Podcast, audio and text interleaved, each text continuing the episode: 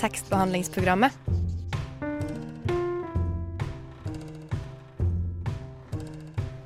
Tekstbehandling på radio.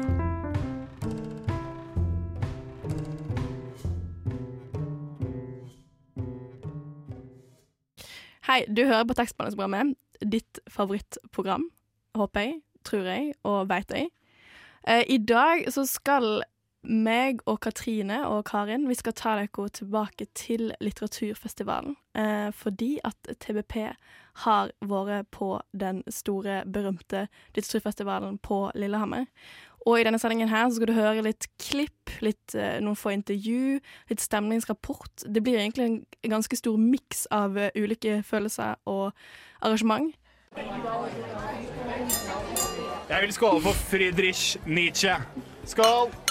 Godgutten. Tekstbehandlingsprogrammet for deg som liker Nietzsche Som forresten bare, bare drakk melk. eller melk.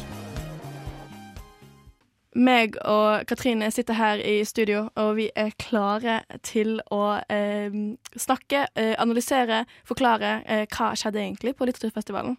Og hva er din sånn overordna følelse av festivalen, Katrine? Det var uh, det er gøy. er gøy en følelse? Jeg vet ikke. Det var i hvert fall veldig gøy å være på festival. Eh, men det tror jeg kanskje var nettopp fordi vi var presse. Jeg er ikke vant til å være presse og bare kunne gå med en mikrofon og være sånn Hei, hei, prat med meg! Og så sier folk ja. Fordi det var så smått, og de store folk blir små folk, og alle bare er folk, og så bare er det folk, og så ja. Det var skikkelig festivalstemning, men en annerledes festivalstemning enn f.eks. musikkfestivaler og andre ting. Jeg syns også det var veldig gøy å eh, bare se de store liksom, forfatterforbildene eh, gå rett ved siden av deg, eller drikke en kaffe på frokosten sammen med deg, eller de var så Skumpe bort borti deg og si unnskyld. At du må gi en stol til dem, eller sånne ting. Hele den der eh, eh, hverdagsligheten som man aldri ser når man leser bøkene eller hører på forfatterintervju, sånt, det fikk man veldig nærmt innpå seg. Og det syns jeg var litt, uh, veldig spennende, men også litt uh, skummelt, fordi hjelp, hvordan, eh, hvordan skal jeg være rundt disse folkene? Ja, og så kan det også på en måte påvirke leseropplevelser etter, senere. Både positivt, men også negativt. Ja, det har jeg litt, fordi eh, Sofie Oksane er jeg veldig glad i. Eh, og hun eh, Jeg er veldig glad i bøkene hennes, men jeg likte ikke måten fremtoningen hennes var. Eh, så godt. Eh, så, så kanskje det vil påvirke måten jeg kommer til å lese bøkene. på. kanskje ikke. Who knows. Litteratur er jo litteratur. Man må jo ikke kutte, altså, kutte til kunstneren. Ja, og så tenker man jo kanskje at forfattere de, de liker å skrive, så da er de kanskje litt mer sånn liker å være alene. Eh, men noen overrasket oss, som eksempel det første arrangementet jeg var på, med danske Thomas Korsgaard, som har kommet med den hvis det skulle komme et menneske, den trilogien som kommer. Eh, han var skikkelig showman. Det var så god stemning. Og det, eh, du skal få høre et litt sånn stemnings-mashup. Mashup? Er det, det er ikke et norsk ord på det? Men eh, her er det noen små klipp der du hører at det, er ekstremt god stemning på den litteraturfestivalen. Folk ler. Eh, Forfattere fra ulike land og nasjonaliteter bare eh, treffer en, en latter i, i stemningspublikummet. Stemningspublikummet, ikke et ord. Hva i helsike er det for et I publikummet. Bra. Men, men virkelig, den boka di, den er virkelig et uh, høydepunkt i mitt liv. Tusen takk. Jeg, jeg, jeg har jo lest Gro Dale. Og det er det når man ikke bare sier Gro, man sier Gro Dale. Bare det er jo Ja.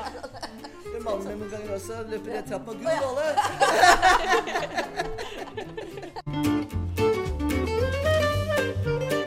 Men den gir jeg bort hver gang jeg har skaffa meg den, så den varer jeg ikke. Så jeg får ikke lest fra den.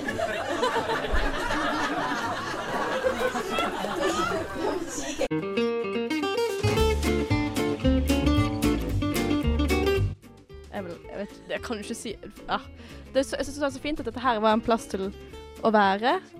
Har du et dikt som får deg til å være dette Jeg skal ikke bli poet. Det.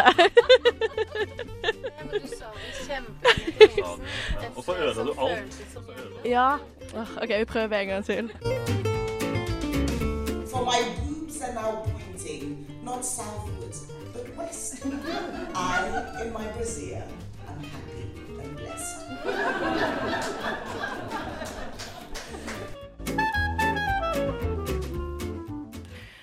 Nå hørte du nettopp en, et lite um, sammendrag, eh, eller små klipp, av god stemning på Litteraturfestivalen. Eller det vi mener var god stemning, iallfall. Um, men det var jo ikke alt som var like bra, og alt kan jo ikke være like bra. Det går jo ikke. Det er jo ei ukes festival. Um, men ja. Eh, altså vi kommer jo litt inn på det senere, da, men det var jo noen av arrangementene som virket litt um, vilkårlig satt sammen, eller kanskje presentert eh, på feil eh, premiss. De, de, festivalen fokuserte jo på en måte på, på verden, verden Ja, Verden i dialog tror jeg var liksom tittelen på hele festivalen. Ja, så det var jo mange internasjonale forfattere som var veldig kult, men det er ikke så kult når du putter tre eh, forfattere på samme scene kun fordi de er fra utlandet og prater engelsk sammen, og så er det sånn et, et annet syn på tilværelsen, og så er det ikke noe premiss utover det, på en måte. Ja, eh, og så syns jeg også sånn det er jo en litteraturfestival som er for de spesielt interesserte. Eller sånn, det er en litteraturfestival som er sånn Det er allerede en lesende befolkning, en kanskje ikke elitistisk, eller som er litt høyt klasse Altså det er jo også en slags bransjefest, på en måte. Av forfattere for forfattere. Bransjen har egne bransjedager, kritikerne egne kritikerdager. Så det er jo på en måte Det er jo også en jobbting samtidig som det er eh, nytelse, da, og for, for lesere og folk som vil komme.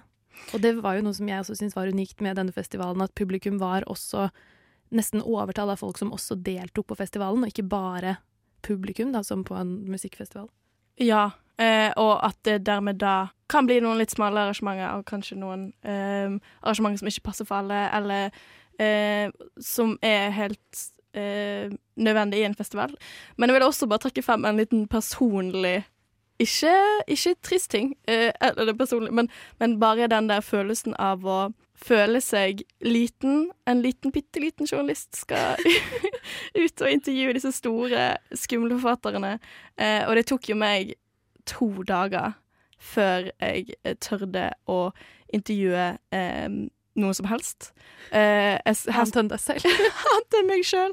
Eh, her er et bitte lite klipp der meg og Katrine eh, snakker om eh, dagen etter fredagen. Vi, altså de, de, alle de kjente folkene som vi verdsetter så høyt på her på blir jo veldig hverdagslige personer her, på en måte, og det syns jeg er fint. Men jeg tør fortsatt ikke intervjue dem. Enda. Vi intervjuer dem på avstand og inni hodene våre. Ja. Det tar mye tid. Som du sa i sted, det føles som jeg har hatt ti intervjuer i dag. Jeg har ikke hatt noen. Men det er fordi vi har dem i hodet. Tar så mye energi. Jeg er så sliten. Fuck yeah, bro. Jeg hører på tekstbehandlingsprogrammet. Radio nå. Det siste du fikk høre der, var jo jeg som eh, ikke tørde å uh, utfordre meg sjøl til å intervjue folk. Det ble jo en forandring på, heldigvis, uh, i løpet av dagene. Men uh, en annen ting jeg også ble utfordret på, er jo min Ikke min forakt for poesi, det vil jeg absolutt ikke si, men uh, mitt lite uh, inntrykk, eller lite poesitilgang jeg har hatt i min litteraturlesning uh, opp gjennom de ja, 23 årene jeg har levd.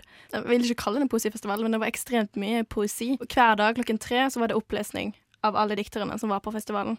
Det er noe med det å lese opp dikt og høre dikt. Ordene blir veldig, veldig lett tilgjengelig. Så det er jo kanskje veldig naturlig at poesien får en så stor plass på festivalen, når den egentlig ikke gjør det så ofte generelt i litteraturverdenen. Når man samler en gjeng med folk som bare faktisk eh, er glad i, og det ble jo også diskutert mye språkets verdi og litteraturens verdi, så når man samler folk som er glad i ord og litteraturens verdi, så, så får poesi plass. Men eh, det var jo ikke bare deg som elsket eh, poesi på festivalen Alva. I tillegg til absolutt alle de andre, så var det også en, eh, en mann, en poet, som heter Ted M. Granlund. Og han, eh, han sto parkert på, på Stortorget, eh, noe som jeg velger å kalle eh, Festplassen.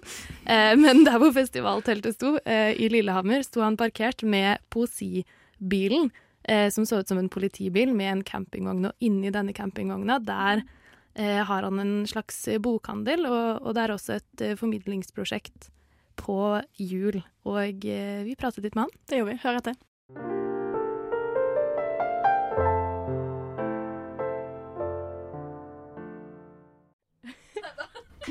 Du er på TV, si noe smart. Ja.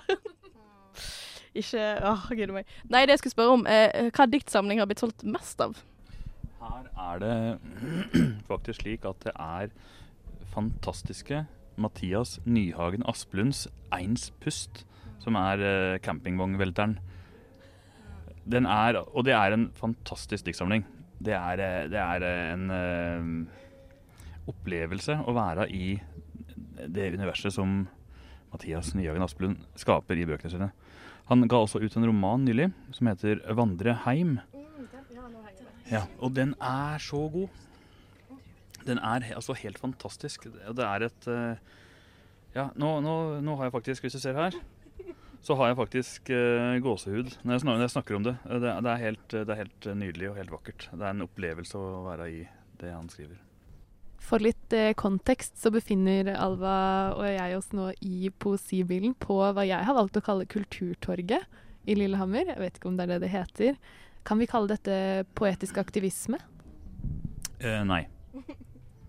Eh, nei, det, er ikke Jo, det er kanskje det. Uh, men men hva skal jeg si? Det er rett og slett slik at uh, jeg har jo ikke noe valg. ikke sant? Jeg må bare ut og formidle og meddele folk at poesi finnes. Jeg må gi dem jeg må gi her, de bøkene en plass å være i et system. og da må vi jo dra på en litteraturfestival, blant annet. Jeg er jo rundt i store deler av Norge. Uh, reiser mye rundt i DKS. Har skriveverksted for unger og ungdom og i skoleverket. Og så er på en måte bokhandelen er jo en, eh, bare en slags uh, formidlingshobby. I stedet for å drive med golf eller uh, samle opp frimerker, så setter jeg opp bøker i en campingvogn og, og prøver å få dem ut i nye hyller. Har du hatt anledning til å få med deg noen av lyrikkarrangementene på festivalen? Eh, eller har du primært oppholdt deg her inne? Og i så fall, hva, hva, hva syns du om opplegget de har hatt? Festivalen er jo helt fantastisk. Eh, og de litteraturarrangementene jeg har eh, vært med på, det er eh, de folka som har dukka opp i vogna, dessverre. Jeg har måttet lage mine egne programposter. Og møtt altså fantastiske poeter, forfattere, musikere som har sittet i vogna. Vi, har, vi hadde jo campingnatta her i stedet for banknatta. Hvor vi hadde hvor vi, Ja, det var, det, det var helt, helt, helt magisk. Og det Ja. For det, det jeg prøver å lage, er jo et møtested. Et treffpunkt, et sted å være i festivalen. Um, og det har jeg virkelig fått til, egentlig. Jeg kjenner at det har vært, det har vært så mye folk innom her. Det har uh, vært hyggelige samtaler, hyggelige møter. Folk har kommet hit og snakka om sitt forhold til poesi. De har uh, delt fra livet sitt. De har synget sanger, de har spilt musikk, de har lest dikt. De har uh, vært ekte til stede. Og det, det, det er det stedet her lagd for, faktisk. Eh, jeg kunne ikke la være å legge merke til T-skjorten din. Hans Børli, hva vil du si? At eh, du må lese 'Brystbeinet av et rådyr' og ta det med deg. Børli er, er eh, Han er jo ikke skogens dikter, han er menneskets dikter, han er universets dikter. ikke sant? Eh, måten han løfter opp uh, hverdagsopplevelsene og gjør det til stor litteratur, det er, eh, det er sånn vi må strebe etter å få til sjøl.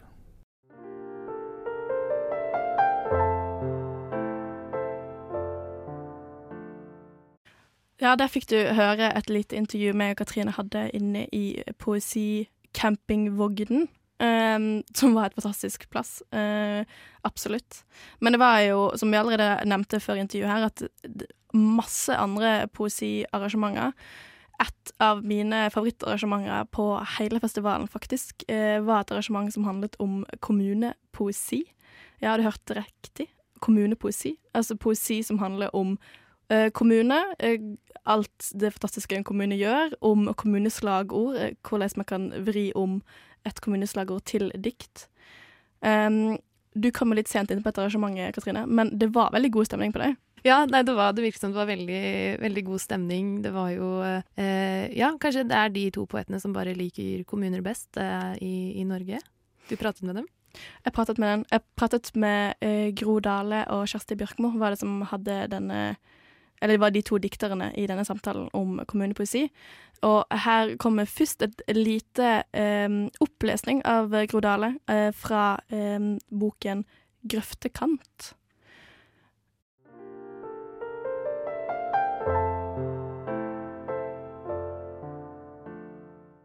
Snur seg over på siden og reiser seg opp i et lokalsamfunn et nettverk av muskler, byggverk av personnumre, skattebetalere, pensjonister og barn. Med lunger som puster med hjerter og nyrer, og de 1100 kommunale ansatte har lommene fulle av ansvar. Møterom med solide stoler, oppgåtte grenser og avtaler, og kommunen sier at dette skal vi klare. Ja, dette. Dette skal vi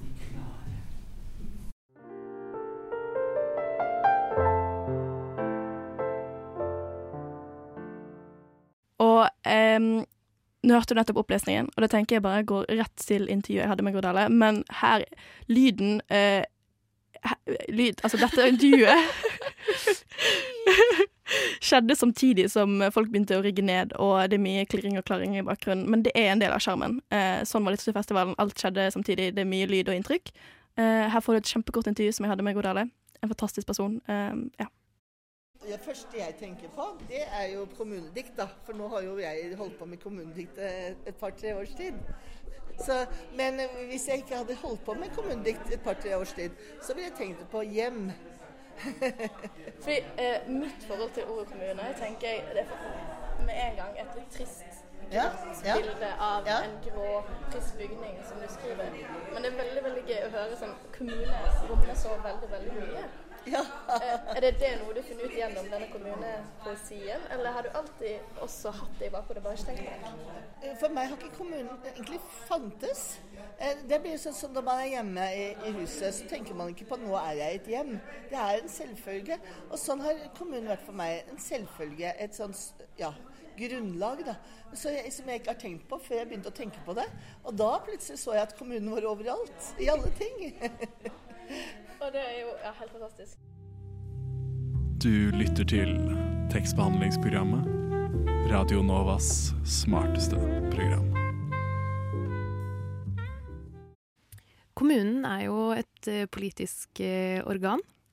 Jusstudenten. Ja. ja. Takk. um, og eh, festivalen var jo på en måte Den var ikke politisk, men eh, når man inviterer verden til dialog, så blir det jo eh, fokus på, på politikk.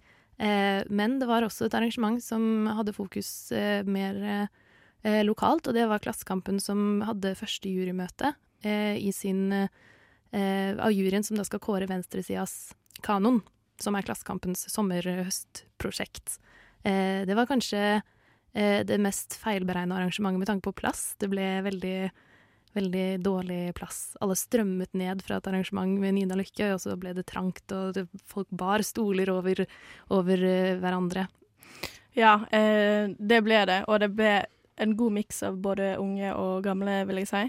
Um, og vi fikk høre fire forskjellige jurymedlemmer snakke om de bøkene de har valgt. Men det vi også fikk gjort etter arrangementet, etter jeg hadde klart å tøffe meg opp til å ta et, til å ta et intervju, så fikk vi faktisk intervjuet Mari Skudal, um, om, som er da redaktør i Klassekampen, eh, om dette prosjektet. Eh, og det skal du få høre nå. Hva synes du om, om forslagene som eh, juryen kom med til eh, titler til, til kanon?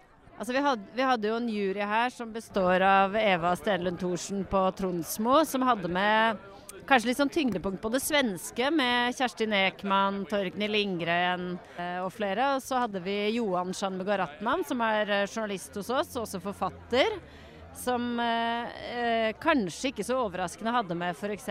James Baldwin, Naomi Klein om klimakrisa. Mimir Kristiansson, som er stortingsrepresentant for Rødt, han hadde tatt med 'Animal Farm', som han mente var en, en bok som eh, George Orwells eh, lille fabel da, om kritikk av sovjetkommunismen, som han mente feilaktig har blitt overtatt av høyresida, mens egentlig er det en venstresidekritikk av, eh, av eh, den sovjetiske utviklingen av den sosialistiske idé. Og så hadde vi gjesteinnspill fra Vigdis Hjort, og hun har jo med noen av sine favoritter. Tove Ditlevsen, Bertolt Brecht. Nei, jeg syns det var en veldig fin eh, ansamling av liksom verk. Eh, veldig variert hittil, og som spenner egentlig fra dramatikken, poesien, de lange historiske romanene Eh, Vigdis var jo også innom eh, kinesiske poeter fra liksom 700-tallet. Altså her får vi bredden, og nå starter jo egentlig bare diskusjonen her hos oss. For vi skal jo ha dette gående en stund. Og det jeg håper, er jo at det skal komme noe litt overraskende òg. Noe ingen har tenkt på. Som noen liksom En tekst som har betydd noe for noen. Og så må jo vi finne ut litt da, eh, eller juryen da, må jo finne ut litt hva er det som er viktig. Er det at de har hatt en virkning i verden? Er det at de er så innmari gode? Er det at de mobiliserer til kamp? Er det at de kan formulere slagord som samler bevegelsen? Eller er det at de appellerer til hva skal man si, sensibilitet og fellesskap og mange, altså alle disse andre tingene? Og skal de være tidløse, eller skal de også på en måte leses med tanke om tiden de ble skrevet i? Det skal være 100 bøker. Så kan leserne deres, eh, og er hvem som helst for så vidt, nominere til var det kanon at klassekampen.no. Og da er det jo hvem som helst, men juryen består jo Den er jo delvis mangfoldig, men den er jo eh, folk over 30. Eh, er det med omhu? Ville det vært galt å ta en person på 20 inn i en kanonjury? Det spørs litt hvor mye de personene hadde lest. Sånn at eh, akkurat når det gjelder kanon, så syns jeg eh, et overblikk er litt viktig. At du har en viss eh, lesehistorie. Da. Så eh, er det jo opp til alle å nominere. Særlig, altså gjerne de eh, både under 30 og under 20 for den saks skyld. Men du må jo faktisk ha lest og blitt berørt, da. Eller blitt manet til handling, eller eh, ja. Det kan man jo argumentere at man blir kanskje aller mest når man er veldig ung. Men eh, ja, det er jo heller ingen f.eks. over 70 i juryen, så dere har kanskje funnet medianen som kan tale for alle, sånn sett. Jeg bare lurer litt også, for dere gikk jo egentlig ikke så mye inn på de kriteriene dere velger ut ifra. Men er det en diskusjon? Blir det lagt noen kriterier, eller blir det bare en sånn følelse at denne boken må være med? Vi hadde lenge en uh, diskusjon på Klassekampen om vi skulle sette noen begrensninger bare for å gi noen rammer. F.eks. si de viktigste verkene etter uh, typ 1850, de viktigste verkene de siste 50 årene. Eh, om man skulle begrense det til sakprosa, skjønnlitteratur, et eller annet. Men vi fant egentlig ut at det beste er hvis det er helt åpent. Og hvis det blir en uh, blanding av Paulus brev og det kommunistiske manifest, altså jeg syns egentlig det må være opp til juryen, og jeg håper at jo åpnere den eh, hva skal jeg si, åpnere prosessen framover nå er, jo mer spennende verk kan vi få inn. Og så må vi diskutere litt altså, hva det er vi skal vektlegge til slutt, da. Men 100 verk er jo ganske mange, så her håper jeg at vi kan få noe. Apropos det med liksom er det uh, Hvem skal vi skrive denne kanoen for? Vi skriver jo åpenbart ikke den for de pariserne i 1848. Vi skriver den jo for den norske lesende befolkning i 2023. Så, og framtida. Den skal jo helst stå der. Så vi vil jo at dette her skal være noe som føles relevant. Og det gjør at du må ikke bare Du må ikke ha med noe fordi det er plikt. Du må ha med det vi syns er viktig i dag, og det som føles som brennende spørsmål i vår tid også, må, må jo disse bøkene virke inn for. Og kanskje være formende, mobiliserende for uh, vår tids bevegelser. Ja, nå fikk du jo høre dette korte intervjuet vi hadde rett utenfor eh, banken, den gamle banken i Lillehammer. Um, og Kulturhuset. Altså. Kulturhuset, ja. det er bra du skyter inn. Um, og det er jo typisk at etter man har hatt intervju, så kommer alle de gode spørsmålene. Um, men jeg lurte etter intervjuet at jeg skulle jo selvfølgelig ha spurt om dette forholdet mellom politikk og, og litteratur. Eller det å på en måte skape en politisk kanon, Uh, er ikke det i seg sjøl litt problematisk å tilegne litteraturen en form for politikk?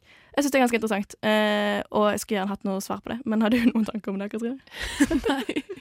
Det eneste du vet, er at Klassekampen selv har, eh, har prøvd å greie ut litt fram og tilbake, for det er ikke alle som er enig i dette prosjektet, som eh, tenker litt det samme som, som deg. Eh, og vi, vi, møtte jo også på noen på vei hjem eh, som vi satt ved siden av under denne Klassekampen. Eh, jurydebatten. De var rett ved siden av to unge jenter eh, som eh, ikke ante hva som holdt på å skje i det rommet. Og det, det var jo festivalens kanskje yngste forfatter som satt der. En strikkedesigner.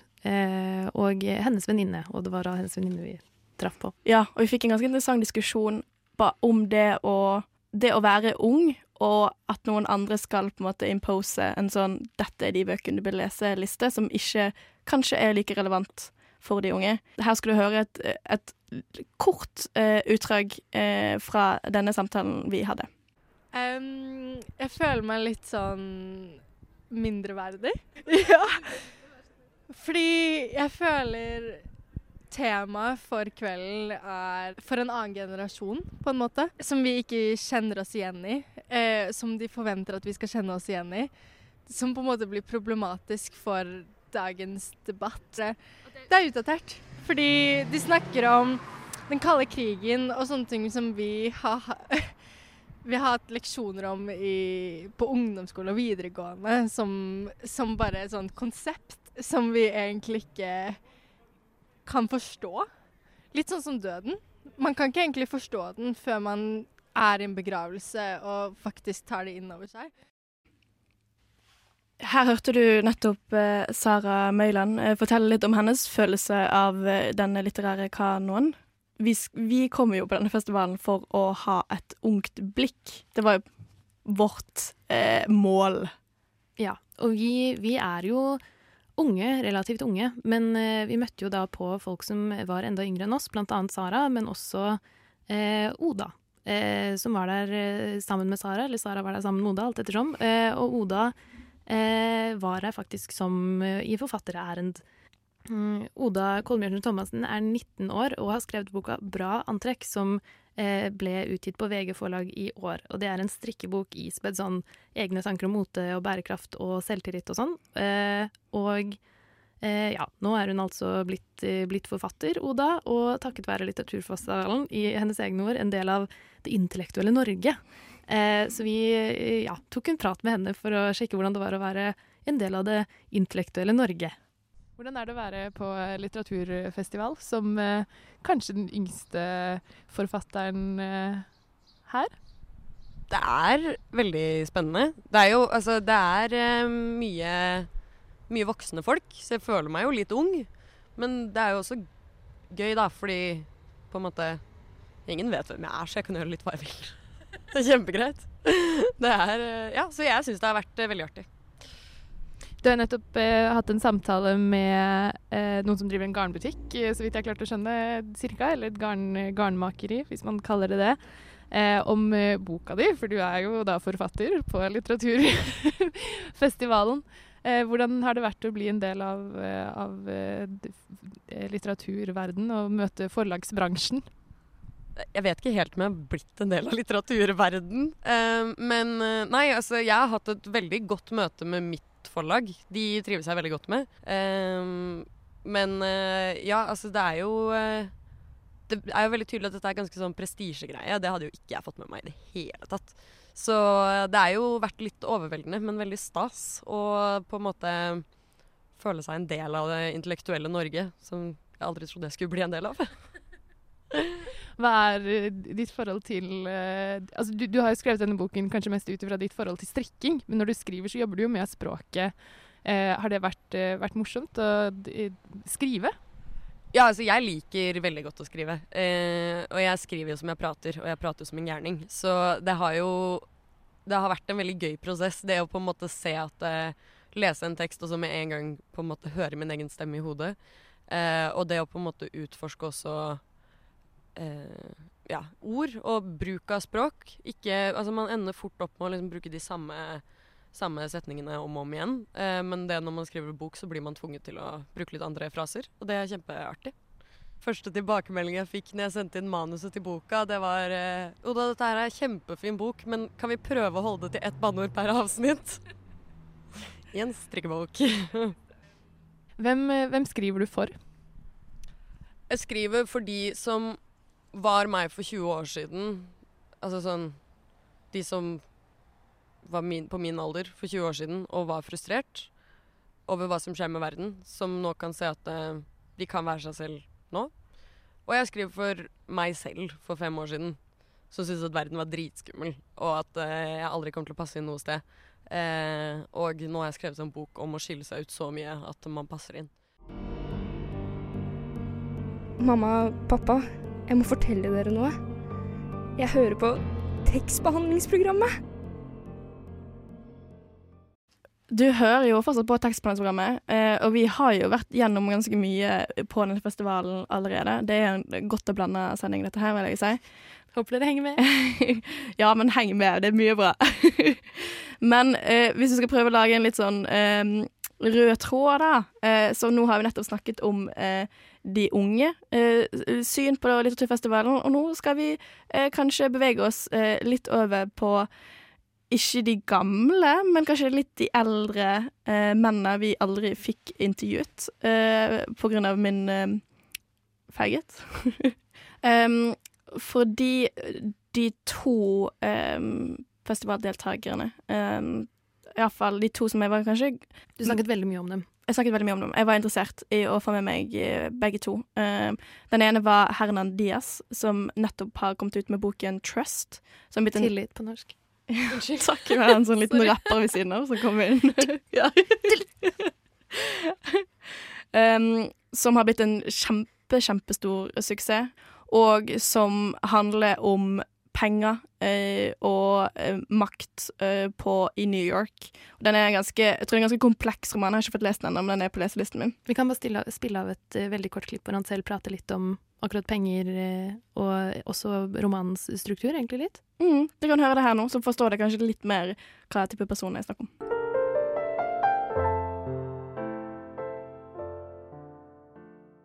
There is no material tie between the purchasing power of the five euro bill and that bill. The only connection is belief, is trust, is confidence. Just as in storytelling, if we don't believe the story, the story is pointless and collapses. If we don't believe in this institution that is money, in this abstraction, it also collapses. This is the cost behind every bank run in the history of banking is this lack of confidence, right? So again, if you take a step back, all money is really monopoly money. There's, there's no difference. The, the only difference actually is that we have been forced to gather a- around this particular board and we have to play. But other than that, and, and the amount of confidence, of course, we place on these particular pieces of currency, but other than that, uh, uh, the games are very similar. Um, so um, uh, it was this, this fictitious, this fictional quality of money that led me to think about other ways in which fiction can reshape and reconfigure the way in which we lead our lives. Because at the end of the day, if you think about it, you are the sum of the stories that you tell yourself about yourself and the sum of the stories that others tell about yourself, the negotiation between your stories and their stories. The result of that is something that you may call I. Isn't it possible then to extrapolate that to society as a whole, to history? How do these competing narratives uh, negotiate and, and, and sort of enter into conflict with one another, or consonance maybe? Um, hence, this kind of polyphonic structure of the book. You know, I wanted, I was hoping the readers would experience this, you know, uh, as, as they went from one uh, take on the story to the next.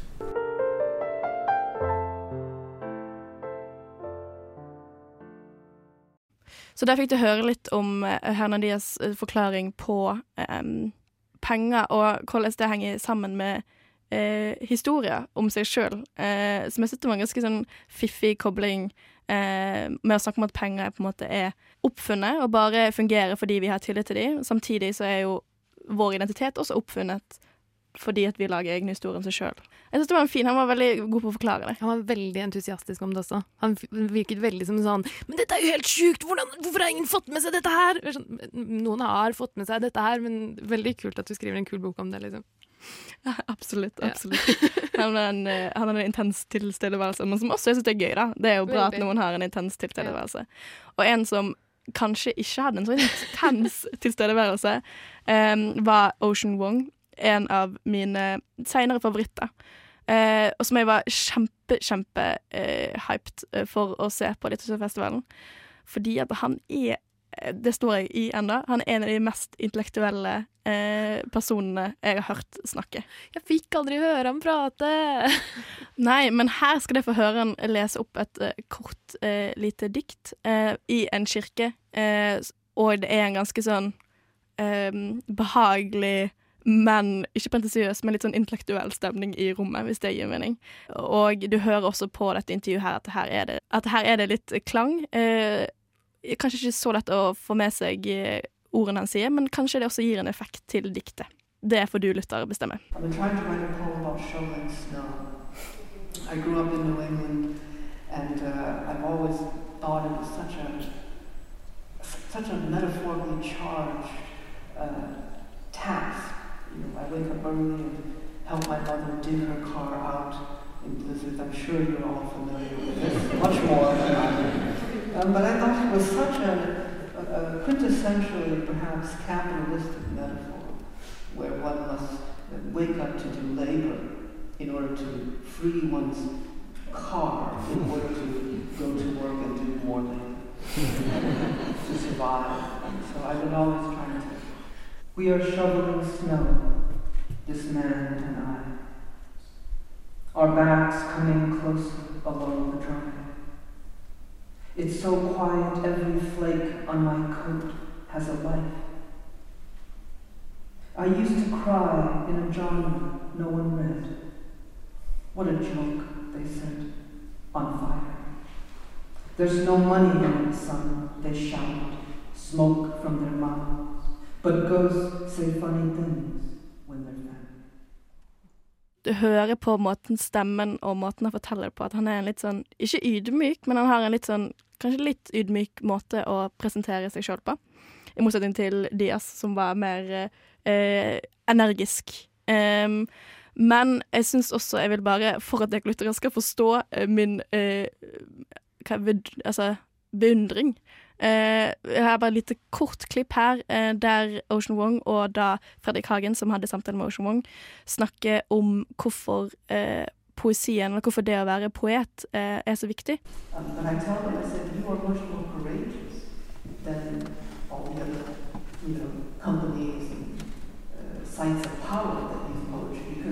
poetry, poetry, and they're using poetry to make money, or to for corruption, to wage war. Um, but I think this is true with, with language itself. It's our oldest and most powerful technology. You can have medicine, AI, you can have the nuclear bomb, you can have new tanks, assault weapons, you can have incredible things, you can invent such powerful, mind-blowing things. But you still need language to convince each other to live or die, to protect or these things. So everything requires a recruitment or coercion, and language is the medium of coercion. The question is, towards what end? There's no inherent value in the same way water is inherent value. Literature must be argued and defended at all times. Tekstbehandlingsprogrammet når du vil lese med øra.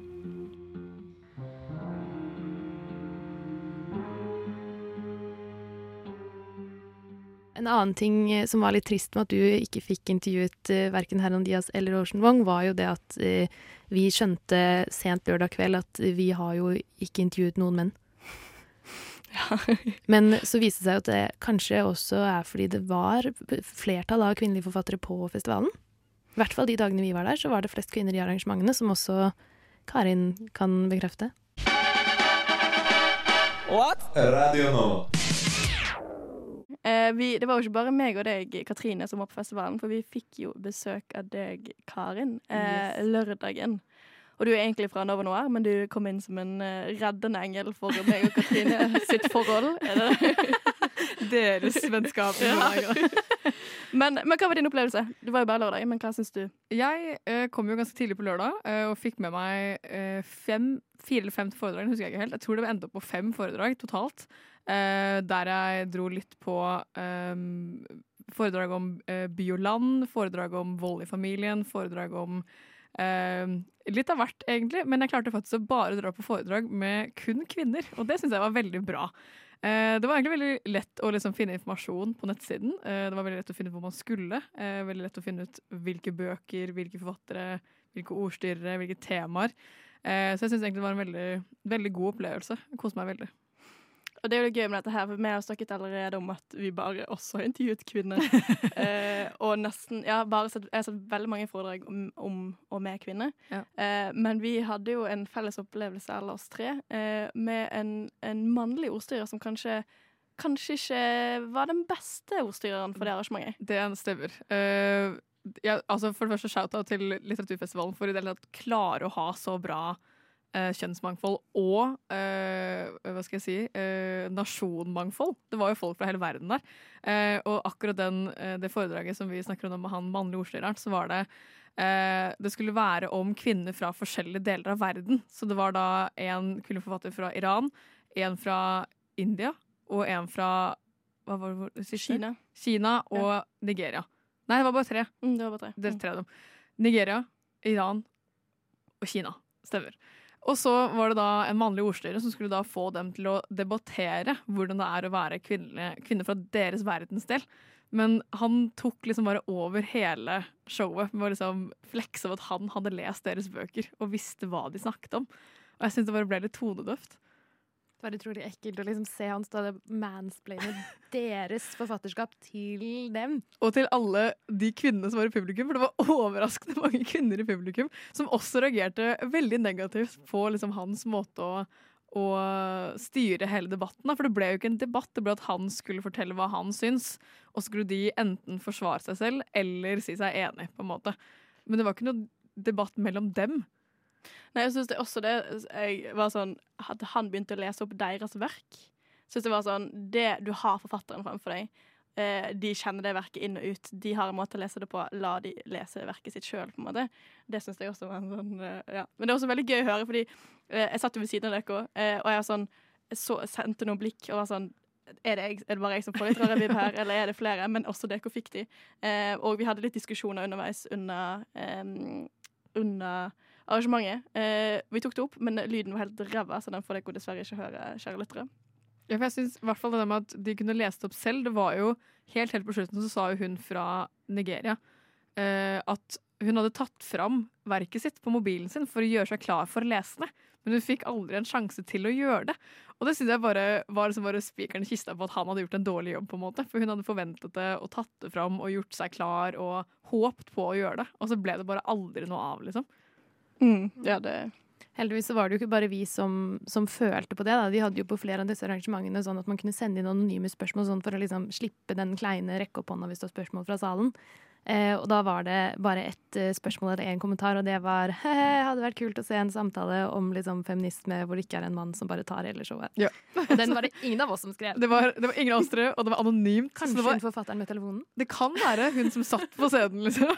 Eh, men jeg syns også bare sånn eh, premisset om å ha en debatt, eller at jeg kaller det en debatt ehm, og så blir det bare altså sånn, Jeg syns du kunne kalt det noe helt annet enn debatt. Jeg synes hele de, Det gikk jo en sånn debatt gjennom hele Litteraturfestivalen. Eh, hver dag skulle på en måte ha et tema de debatterte. Og meg og deg, eh, Katrine, var jo også på noen andre av de. Men det ble aldri en, en debatt i det hele tatt. Det ble bare små miniforedrag. Så jeg tror kanskje man burde til neste gang eh, rekonstruere den. Tripp, trapp, tripp, trapp. Hvem er det som tramper på min bru? Det er bare tekstbehandlingsprogrammet. Nå begynner vi å nærme oss slutten på denne sendingen. Um, og nå er det bare meg og Katrine her i studio. Um, um, men derfor tenker jeg det passer fint også å snakke om avslutningene på dagene. Fordi det skjedde jo Det var mye sånn avslutningsarrangement uh, per hver dag. Det ene vi var på, var pub til pub. Og da feiret vi Lars Aabye Christiansen nesten 70-årsdag. Jeg var 69 og et halvt. Ja, det, var, det punkterte de veldig mange ganger. Ja. um, og der uh, var det tre forfattere som leste opp um, dikt og fortellinger fra um, hans forfatterskap. Men vi fikk bare med oss nummer to med Kjersti Bjørkmo. Inne i en bar. Uh, det pøsregna. Vi fikk akkurat plass uh, ved siden av en relativt gammel gjeng, vil jeg tørre påstå, eller? Eh, og satt liksom bak Kjersti Bjørkmo mens hun leste opp det diktet, og hun har en ekstremt god fortellingsevne og til å skape latter, og publikum var med oss. Var med oss. Jeg er veldig glad i den uh, diktsamlinga som heter 'Pasninger'.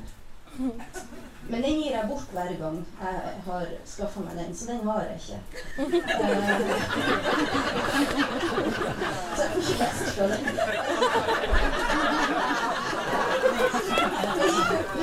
Jeg tenkte ja, men det kan vi jo fikse. Så jeg gikk på biblioteket, og der eh, sa de at den ble stjålet så ofte. Så jeg fikk ikke tak i den. Men den, akkurat den samlinga har jo en eh, lillebror, kan vi si, på Flamme forlag. Eh, en liten singel, så nå får dere litt begynner vi med litt. Um, helt på slutten, hva skjedde da i, på denne pub-til-pub-kvelden, Katrine? Mm. Det er Ja, nei, altså Pub til pub kulminerte i, i festivalteltet, hvor Harr og Hartberg eh, spilte eh, New York eh, jazz, tror jeg man kan kalle, kan kalle det. og, og eh, sang da Lars Aabye Christensen sine tekster, og fikk også han opp på scenen hvor han leste eh, til, til musikken, og det Jævlig gode folk, ass! Og eh, det, ja, det var kanskje den, noe av det beste litteraturformidlinga på hele, hele, hele festivalen. Tekstformidlinga, på en måte. Jeg er ikke helt Jeg syns det blir litt kleint, jeg. Hvordan det? Eh, Jeg syns det blir veldig sånn inderlig når det skal være sånn norske visesangtekst med sånn De er veldig flinke musikere og alt sånt, men med en gang Jeg syns, teksten til Lars Abbe Christiansen er bedre aleine. Eller jeg syns det var veldig gøy når han leste det, men å synge det, da, da blir det med en gang litt kleint for meg. Jeg tror for meg så Jeg følte de tekstene som de brukte, er uansett kleine, også om jeg hadde lest dem. Kanskje nesten mer om jeg hadde lest dem. Men musikken var bare skikkelig rå. De var, de var så gode musikere. Og så, um, siden vi nå er inne i musikkinnslagsverden, så var vi jo helt til slutt Det blir kanskje litt vanskelig å visualisere seg, men vi skal prøve å forklare det så godt som mulig. For helt til slutt, helt avslutningsvis, søndag klokken fem, så var Black Hauge, og de skulle spille en eller en slags jeg vil ikke kalle det en hyllest, men en sånn mix-up av Olav H. sin Hauge-dikt. Jeg tenkte at det her skulle bli ganske tradisjonelt eh, opplesning. Det, ble det absolutt ikke. Der, eh, jeg, jeg- det er vanskelig å beskrive det, men det var mye eh, blanding. Det var litt black metal inni der. Eh, og det var mye DJ-ing med sånn miks av ord og Mm. mye sære instrumenter. Ja, litt teknobit. Altså, det var sære og sære. Det var tre forskjellige typer hardingfeler eller feler. eh, men de spilte også med bue på både elgitar og cymbaler. Og det syns jeg er litt sært, da. Ja, det var en ganske sær opplevelse. Men, men den gikk altså, jeg, Under den konserten så skiftet jeg hele tiden med sånn Hva i helsike er det jeg er med på? Dette er det rareste, og dette her, dette her klarer jeg ikke. Til å være sånn Oi, shit, det var litt kult. Så jeg har en veldig sånn ambivalent forhold til den. eh, Jeg tror nesten det bare må ses hvis jeg og Charlotte får muligheten til. Så kan vi kanskje diskutere det bedre en annen gang. Du lytter til Radio Nova. Uhu. vi må puste, puste litt her nå, for nå har vi eh, racet. Er ikke et bra norsk ord, men vi har raset. Ja, vi har rast. Rast, takk. Takk, Trine. Gjennom ekstremt mange uh, ulike arrangement vi syntes det var kule, og kanskje noen som ikke var så kule. Og inntrykk og uh, poesiopplesning, alt mulig rart. Så vi må liksom bare unnskylde litt, uh, også til dere lyttere, at her ble det mye name-dropping. Ja, vi bare slenger dem ut, og så får du bare tenke 'søren, jeg skulle vært der'. For du skulle vært det. Nei da, jo da, du skulle det. Eh, vi anbefaler alle å dra. Eh, men vi er jo ikke ferdig med denne tematikken. Vi har så vidt begynt. Dette er jo en litt sånn overflatesamtale, egentlig. Ja, førsteinntrykks... eh, Førsteinntrykk fra, fra to ferske, ferske festivaldekkende journalister. Ja, og to eh, kanskje litt nervøse eh, festivaldeltakere også. Ja, vi setter pris på at eh, dere har, vil være med oss eh, gjennom det, og det blir bedre. Kan tise, og vi kommer til å tise, fordi at vi er ikke ferdig med tematikken. Vi skal gå litt dypere inn på noen tema vi syns var eh, spennende. Spesielt skal vi snakke mer om verdien litteratur har. Eh, det er jo noe vi i tekstbehandlingsprogrammet brenner sterkt for, men det er også noe mange, mange av eh, de fatterne også brenner sterkt for. Vi kan jo slenge ut eh, bare et par ekstra navn, sånn i tilfelle man ikke har fått helt nok. Du hører annet oss prate med Tori Peters, Ayunin, Dipti Kapoor, Kristoffer Karlsson, Samantha Schweblin eh, og eh, professor Kari Spjelnes. Smart dame. Og eh, Kjersti Bjørkmo også. Ja. Gøy dame. Mm, Og smart. Ja. Eh, Bare dame, men det, det er jo bra. Ja, ja, det er et par menn som sniker seg inn der. ja. Ja. Kristoffer, for eksempel. Yes, eh, takk, takk for oss. Du kan jo selvfølgelig høre mer av tekstbehandlingsprogrammet som ikke har Nordturfestivalen, eh, på podkast. Men vi er også live onsdager 10 til 11, kanskje 12 framover. Vi får se. Hmm. Spennende, spennende. I studio så var det meg, Alva Namdal Kjensli. Og meg, Katrine Mosvold. Vi hadde også besøk av Karin Emilie Nesteby Grette, som er med i Novo Noir til vanlig. Takk for følget. Tusen takk.